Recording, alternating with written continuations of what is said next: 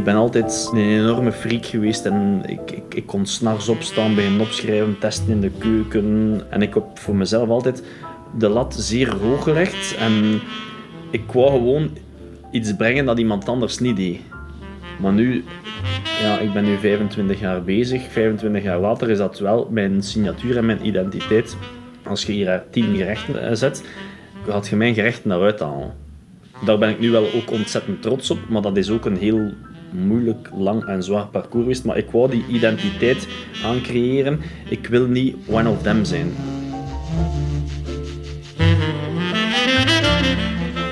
Ook Maria Callas had haar eigen signatuur en identiteit.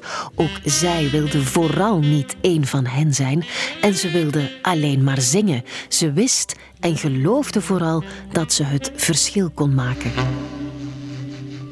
Bij Callas kun je nooit rustig gaan zitten en luisteren. Je kan daar geen cd'tje van opzetten of een opera beginnen luisteren en zeggen van oh, dat is toch mooi en dit en dat. Nee, nee, Callas neemt u direct mee. Ik kan niks anders doen als ik naar een Callas aan het luisteren ben. Ik kan niet beginnen eh, mijn stof af te doen of ik weet niet wat, of de afwas. Die neemt je zo mee. Die denkt van, ja, ik ben hier wel iemand eh, van vlees en bloed gestalte aan het geven, hè? Callas kreeg ook kritiek, laten we eerlijk zijn. Callas kreeg de kritiek dat ze daar soms te ver in ging en dat wat we hoorden dus niet meer mooi zingen was. Dat is de opmerking die het meeste hoort bij mensen over Callas. Ik vind toch niet dat ze de mooiste stem heeft, hoor.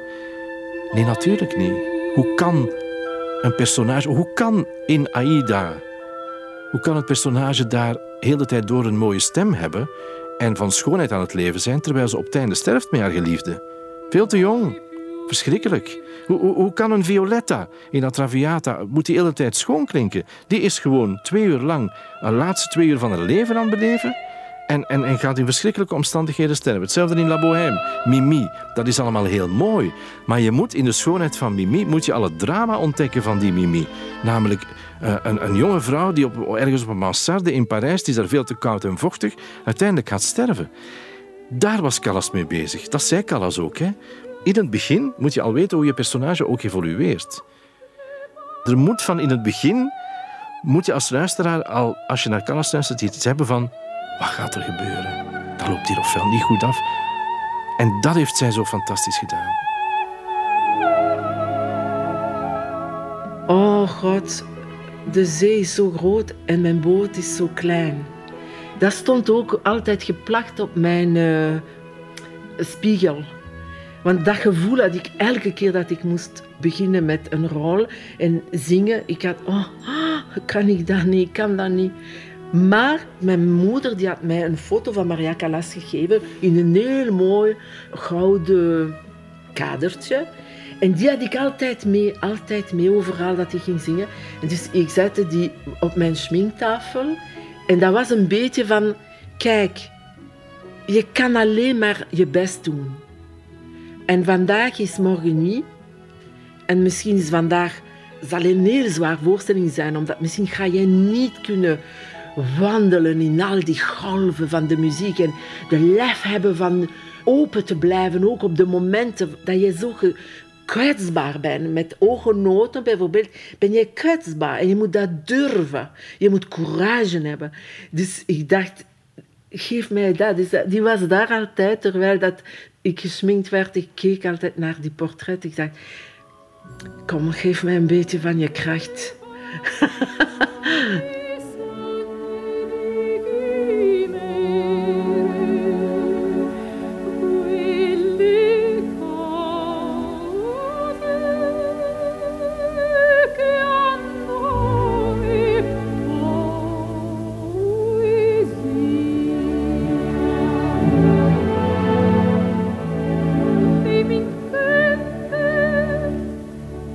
Ze menen totaal met cd'tjes erom. En muzikaal ook. En dat muzikaal ook heel juist. Hè? Maar die, dat diepe gevoel dat zo echt aanvoelde, is echt uniek. En dat was een discussie van veel mensen, dat ze denken, ah, maar John Sutherland is meer perfect of zo. Maar dat is juist, en dat is altijd nu in mijn beroep ook, is the beauty the imperfection. Eh, De imperfection geeft meer leven, het is meer echt bij de natuur. Het is geen een, een blad van een boom of van een bloem eh, die je als perfect kunt noemen. Als misschien een plastieke bloem kan perfect zijn, maar is echt, is nooit perfect. En dat is ook het mooie van de muziek. Doordat het nooit perfect is, dat je het ook elke keer terug opnieuw kan doen. Dat heel goede muzikanten het elke keer terug waar moeten maken. Van dat stuk papier terug prachtige muziek maken. En die elke keer toch iets anders zal zijn. Van hen ook.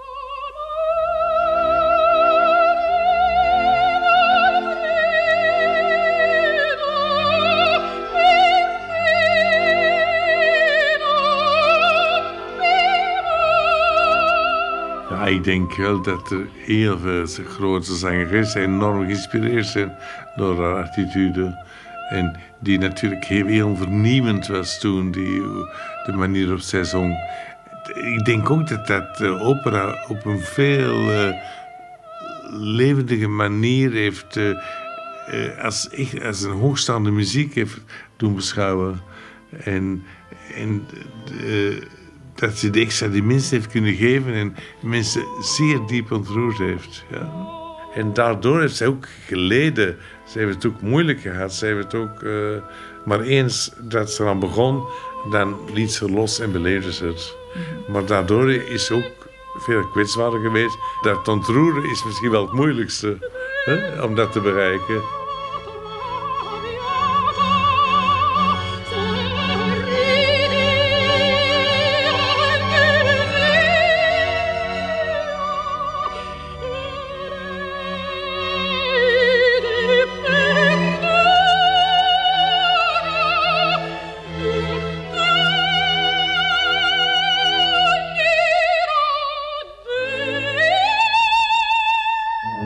Ik ben een enorme freak omdat ik wil die controle aan. Annelies zegt altijd dat ik een autist ben. En dat is misschien wel waar dat ik daar een stuk autisme in heb, maar afspraken zijn afspraken. Ik ben aan het koken en ik ben aan het, eh, aan het dresseren. En ondertussen meet ik en weeg ik al hetgeen dat ik maak. En dan schrijf je dat in een fiche. En al mijn medewerkers krijgen technische fiches. En dat is tot 0,1 gram. Iedereen heeft zijn gramschaaltjes, iedereen heeft meetlat, dergelijke. Alles wordt tot op de, tot op de gram afgewogen. Fiches erbij, foto's erbij, zo moet dat, zo moet dat. Omdat ja, wij zijn met vrij veel restaurants bezig. En dan weet ik ook, als ik het los kan laten, dat ik het los kan laten. Want ze volgen die fiche. En die fiche is mijn buikgevoel. Bijvoorbeeld, wij we hebben hier een aantal gerechten, wandeling door de tuin. Eh, dat, dat is dus dan, s'morgens gingen wij gaan alles gaan oogsten in de tuin, wat dat eh, oogstbaar was. En daar maakten wij een, een, een salade mee, met, met bloemen, kruiden, groenten en dergelijke meer. Maar ik wou hebben dat dat er heel natuurlijk uitzag. Ik zei altijd, jongens, stik er gevoel en emotie erin. En ik, ik zie dat dan, ik kijk dan naar dat bord en dat is precies een dood dat daar ligt. Ja, dan, kan ik, dan, dan kon ik volledig en dan begon ik die takjes en anders te leggen en een beetje meer naar links of een beetje meer omhoog. En dan leeft dat. Ik zeg, steekt dat je passie in. En, die gasten kijken, kijken dan soms naar mij. Wat staat alleen hier te doen?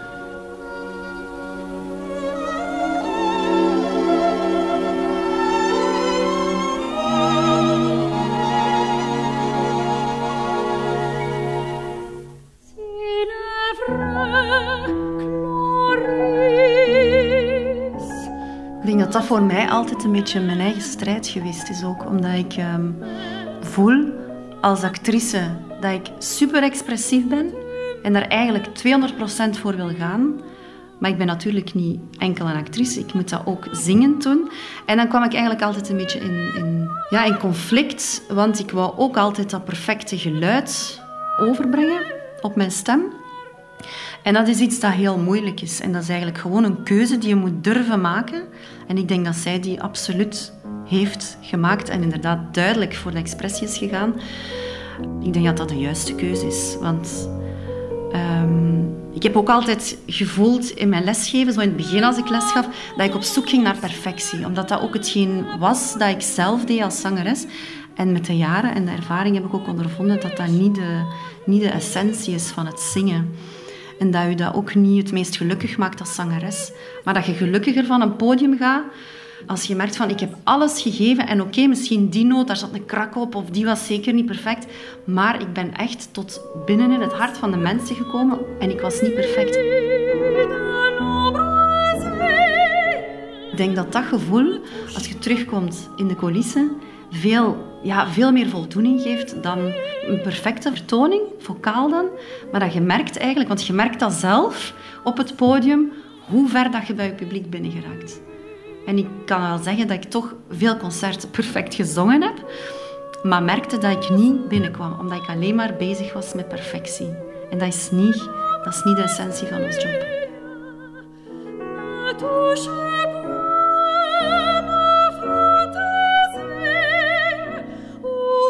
De zanger is constant denken. En, en ik wou dat dat niet was.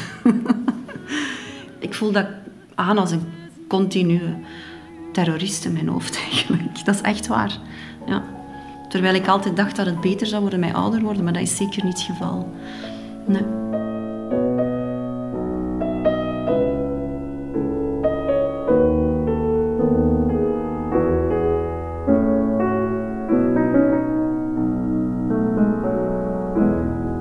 Die faalangst hebben, kan succes ervoor zorgen eigenlijk, als je, als je in een cirkelredenering kijkt van oké, mensen krijgen succes en is het van oei, nu moet ik dat terug gaan herhalen. En dat kan eigenlijk altijd maar meer druk zijn van oké, mensen verwachten nu eenmaal van mij dat ik dat goed ga doen. Dus vandaar dat dat eigenlijk niet opgenomen wordt, altijd succes. Integendeel, kan dus zelf verergeren, eh, je faalangst. Faalangst is vaak, maar niet altijd, gelinkt aan perfectionisme. Dus heel vaak mensen die perfectionistisch zijn, uh, gaan in faalangst terechtkomen. En perfectionisten denken vaak 0 of 1. Van oké, oftewel moet het echt perfect zijn, oftewel kan het niet perfect zijn en gaan ze zichzelf een beetje handicaperen. Dan, gaan ze eigenlijk proberen excuses te zoeken waarom dat niet perfect was, zich misschien wat minder voorbereiden. En als je dat bekijkt bij faalangst, kan dat zich uiten in twee uh, grote vormen. Het passieve faalangst, dat is meer nul denken van oké, je bevriest een beetje, je doet heel weinig. In haar geval zou het bijvoorbeeld zijn dat ze zich niet goed voorbereidt en dan excuses, ja, maar eigenlijk zou, beter kunnen gedaan hebben, ik doe niet zoveel. Um, als je mensen hebt die passieve faalangst hebben in studeren, zijn dat mensen die bijvoorbeeld niet meer studeren. Ja, en daardoor dan zeggen, ik heb niet goed gedaan. En dan actieve faalangst is de kant dat je overvoorbereidt. Wat dan natuurlijk tot uitputting kan leiden. Callas had een prachtig instrument waarmee ze heel dramatisch kon zingen. Maar als je, als je er tien op een rij zet en zegt van wie, wil er nu dat, wie vindt je nu dat het schoonste zingt, niemand gaat er Callas uithalen. Niemand. Maar ik volg haar wel als ze aan het zingen is. Ik luister er wel naar. En ik ben nieuwsgierig en ik denk van, ik ken die een opera niet. Over wat zou ze nu bezig zijn? Ik denk dat ze kwaad is. Ik hoor vandaag veel zangeressen en denk van, ik weet niet of ze kwaad zijn, of ze aan het lachen zijn, of ze aan het huilen zijn. Laat staan welke taal ze spreken. Laat staan welke taal. Dat was voor haar ook heel belangrijk. Uh, ja, dus dat en, en, en dus we kunnen het heel veel hebben over de stem en stemtechnisch. En is het wel ondersteund? Nee, waarschijnlijk niet. Zal dat meegespeeld hebben in het feit dat haar carrière niet heel lang geduurd heeft? Ja, ik ken dat wel. De Placido Domingo. De man zingt nog op zijn tachtig. En hij zingt nog goed op zijn tachtig. Ik bedoel, voor iemand van tachtig. En dat heeft te maken met het feit dat hij, denk die ondersteuning wel heeft gehad. Ik zou, Callas zou nooit kunnen gezongen hebben tot haar 80, mocht ze, mocht ze zo lang geleefd hebben. Maar dat was ook niet haar bedoeling. Dat was Callas. En die, ik denk dat ze zelf ook heel goed de beperkingen van haar stem kende. Ik denk dat heel goed. Ze heeft zelfs soms dingen gezongen, bijvoorbeeld een bepaald Frans repertoire, Grand Opéra, waarvan ik denk van... Waarschijnlijk dacht zij dat ook, dat gaan we maar niet meer doen. Net omdat het zo gericht was op technisch zingen, hè, die Grand, Franse Grand Opéra, waarbij ah, die versieringen wat een John Sutherland zo fantastisch kon doen, alsof ze gewoon haar in potten en pannen aan het roeren was. Uh, zo kon die hoge noten zingen. Dat was niks voor Callas. Als je Callas dat hoorde doen, dacht je van, laat dat over aan van die, van die zangeressen die, die weten wat ze zingen, maar wel juist aan het zingen zijn. En daarom zong ze ook nooit Mozart, net om die verfijning. Precies, ja. Dus, dus ja, ik ben blij dat we Callas gehad hebben, omdat, dat ook, omdat ze ook liet horen van ja, zo kan het ook. Ze zong heel graag, laten we dat niet vergeten. Want boven alles dat, dat we kunnen analyseren over de stemmen, over haar leven, over carrière, ik denk ook, ik denk ook dat zij gewoon heel gelukkig was als ze kon zingen. En nee, dat waren haar gelukkigste momenten. Uh, als, ze bijna, als ze op de scène stond, maar kon vergeten dat ze op een scène stond, maar gewoon zo opging in een rol. Haar mannelijke collega's waren ook goed, het orkest was goed. En dan waren de momenten waarin zij echt Callas was. En dan was zij denk ik het gelukkigst. Daar ben ik echt van overtuigd. Dat is iemand die... Zij had de scène nodig. Alleen heeft ze misschien de vergissing gemaakt dat de scène het leven is. En in het leven... Ja, de Callas in het leven had het moeilijker met haarzelf ook dan de Callas op de scène. Zonder enige twijfel.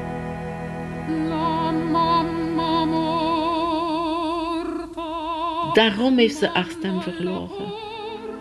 Dat is volgens mij een identiteitsprobleem geweest. Op een zeker moment, hetzelfde ideaal dat ze had om zangeres te zijn, wou ze in haar zichzelf te zijn. Zichzelf, liefde hebben voor een man en dat terug, een kind hebben, een normale leven hebben. En dat kreeg ze niet denk niet omdat die mensen niet van haar houden, maar omdat zij ook niet dat aan kon. En dat ze dat ook gevoeld heeft. Het is terribel. Er is gewoon een grote gat waar dat de ik is. En ik denk dat dat is het drama van heel veel grote sterren. Nu spreek je van echt zoals eh, Dalida of al die grote sterren. Dat er is een confusie tussen die ster te zijn, aan die niveau presteren, dat de wereld kijkt naar jou toe. Jij bent een inspiratiebron voor duizenden mensen. Maar daarnaast weet je heel weinig over wie jij zelf bent. En elke keer dat je in confrontatie komt met dat, moet je gewoon huilen. Ik zei altijd aan mijn moeder: Je moet niet triestig zijn als ik doodga, want er is geen ik. En toen zei ze, wat? Wat bedoel je? Waarom zeg je zoiets? Waarom zeg... Ik zei, maar dat is, ik weet niet. Ik weet, ik niet. Dat ik is zo vol of zoveel personage geweest. En mijn liefde voor klank en muziek en zinnen is zo immens. Ik ik zie niet waar ook nog plaats is voor iets anders. En dat denk ik ook met heel veel mensen die bij mij komen en zeggen: Oh, j'ai perdu ma voix, j'ai perdu ma voix. Je dis: Non, je hebt niet perdu ta voix, je hebt verloren jezelf. Ergens, een heel belangrijk punt in jezelf heb je verloren. Als je dat terugvindt, dan komt de stem ook terug. Mijn passie is ook wel wat verdwenen op een gegeven moment. Zo het laatste jaar dat we hier, of de laatste twee jaar dat we hier bezig waren, omdat er ook zoveel bij, bij komt kijken, om een uur wordt groot. Ik had hier in, in mijn keuken 25 koks. Ik was die mensen gedurig aan het aansturen. Wij deden hier 140 gasten op een dag. Dus wij waren vijf dagen open, maal 140. Dus dat zijn 900 eh, stuks dat we moeten produceren van één gerecht op een, op een week. Maar de mensen eten hier 10, 12, 15 verschillende uh, tastings. Dus als ik hier iets wil veranderen, dat was een enorm huzarenstuk. Dus dat was hier echt een machine geworden. En dat wou ik niet meer. En, en daardoor zijn we dan ook gestopt. En kon ik er ook mijn, mijn creativiteit niet meer voldoen, ik. Weet, omdat ik was enorm geremd door heel veel factoren.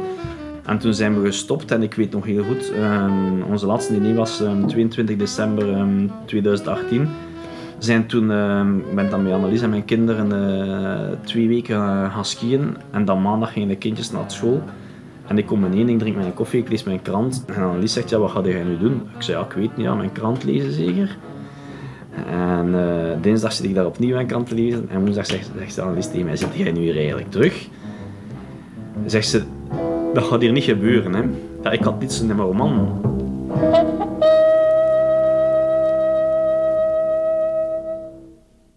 Ja, dat is ook zoiets dat muzikanten vaak zeggen aan mij. Ja dat 80% van de gesprekken gaan over en wat was bezig en wanneer treed je nog een keer op. Zo weet je, bij wijze van spreken. Hè. Maar eigenlijk niet bij wijze van spreken, letterlijk. Uh, dus dat is wel een beetje een stempel dat je krijgt. En dat is ook wel leuk dat mensen daar erkenning voor tonen, want dat is nu eenmaal wie dat je bent. Maar dat is ook inderdaad, ja, als dat hoogtepunt bijvoorbeeld weg is, wat dat bij veel muzikanten ook wel zo is, of sporters, het, het een piekmoment je carrière, ja, stel nu dat dat weg is, wat blijft er dan over? En komt er dan iets in de plaats. En wat is dat dan? En kan dat dan ook geluk met zich meebrengen? Er zijn ook mensen die zeggen, ja, ene keer dat ik gestopt ben met muziek was ik veel gelukkiger, want dan viel de prestatie uh, dat ik altijd moest leveren, opnieuw en opnieuw weg. Dus uh, ja, dat is af te wachten.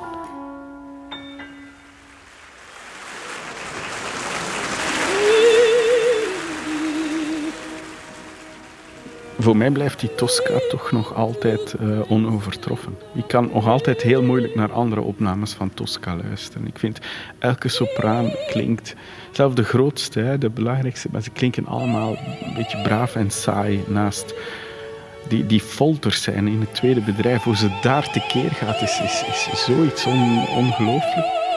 En dan, ja, een opera die ik bijvoorbeeld heel moeilijk vind om vandaag te brengen, is, is zo'n Norma hoe zij daar dan in slaagt om daar toch uh, ja, iets interessants van te maken. Dat vind ik nog altijd uniek. Er is een groot verschil tussen Callas live en Callas in de studio. Dus die begin jaren 60 heeft ze nog veel opgenomen. Uh, met het orkest van de Franse radio en zo, van die recitals, omdat het publiek vroeg, vroeg, vroeg. Daar kon zelfs Callas soms, ik zal niet zeggen ernaast zitten, maar een beetje saai worden omdat ze dan arias moest zingen. Dat was haar niet haar ding. De live-opname van Callas, daar was waar het om ging. Als ze op de scène was en dat werd opgenomen. Natuurlijk zijn dat de, technisch de minst interessante, want uh, dat zijn echte historische mono-opnames waar veel aan gesleuteld is de voorbije jaren. Dus er is veel aan gedaan, dus dat is wel fijn. Maar daar hoor je Callas. Dan heb je Lucia di Lammermoor. Ik bedoel, waarbij je van haar eerste noot die ze in Lucia di Lammermoor zingt en je kent het dan weet je dat het niet goed afloopt. Met Callas. Dat is zo, zo, zo fantastisch. Callas kon ook, en dat hoor je in die live-opnames, die kon een scène opkomen en dat was wel alsof een nieuwe wereld openging. Dus je had dan ja, de opera begonnen, opera begonnen. Soms hoorde dan wel het orkest dan een keer denken van... We gaan rustig, rustig in gang komen, dan hoorde dan een keer... Dat. Maar Callas doet daar strot open en had het gevoel dat iedereen zoiets had van, oh, nu, nu begint het.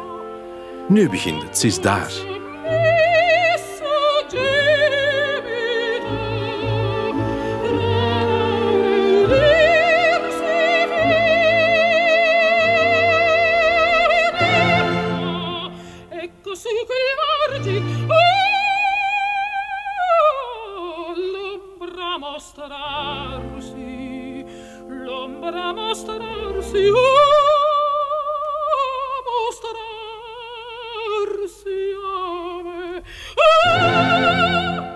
Mozart, dat interesseert mij niet.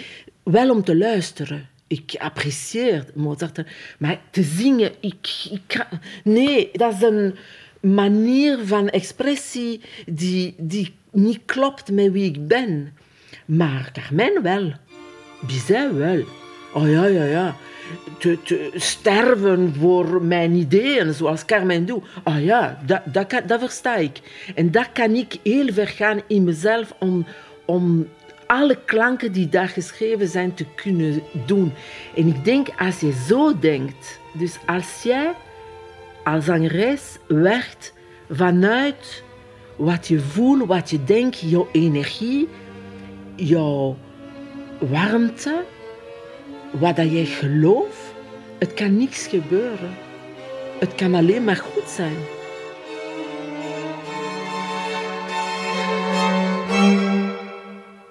De carrière van Callas is eigenlijk kort geweest. En er is al vaak gespeculeerd waarom dat eigenlijk zo is. En eigenlijk vind ik dat niet zo belangrijk. Ik weet ook niet als die carrière langer geduurd zou hebben, of we met zoveel fascinatie naar Callas en vooral ook naar de figuur Callas uh, zouden kijken dan dat nu het geval is.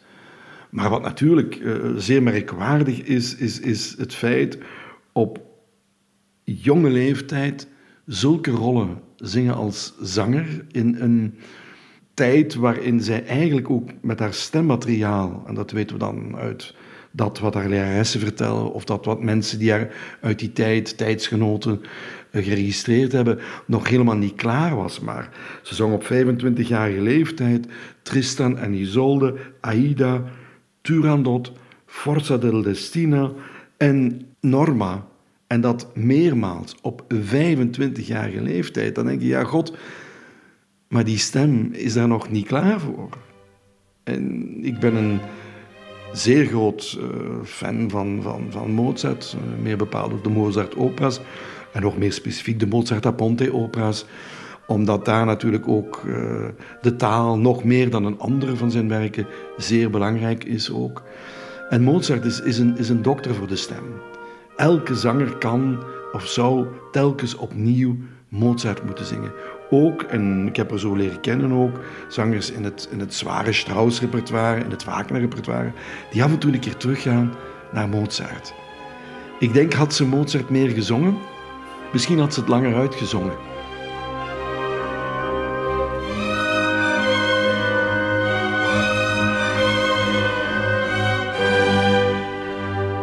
Als je, zeker als je ook naar de 19e eeuw kijkt, die carrières waren superkort en die zangers waren in de tijd van Verdi heel jong en dan op hun dertigste was het soms al, al, al voorbij en was alles kapot gezongen.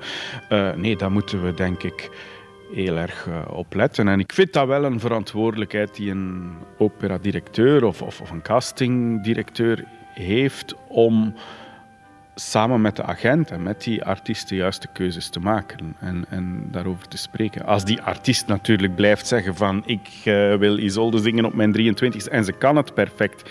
En ja, en je hebt een ideale Isolde op zijn, ja, dan, dan ga je ook op bepaald moment niet nee zeggen. Maar ik vind het wel onze taak om erop te wijzen dat het misschien niet gezond is. En jezelf beschermen brengt natuurlijk ook de nodige ups en downs met zich mee. Dat is voor de volgende keer. Als je een kritiek leest, je hebt je première achter de rug. Dat heb ik jarenlang gedaan, tot een, tot een bepaald moment dat ik dacht van nu stop ik daarmee. Ik mag dat niet meer lezen. Ik moest dat echt aan mezelf verbieden. En hoe, ja, hoe beter je dan wordt, ja, dan kom je op bepaalde podia waar dat er altijd maar meer en meer en meer vereist wordt ja, dus die druk is immens op een bepaald moment.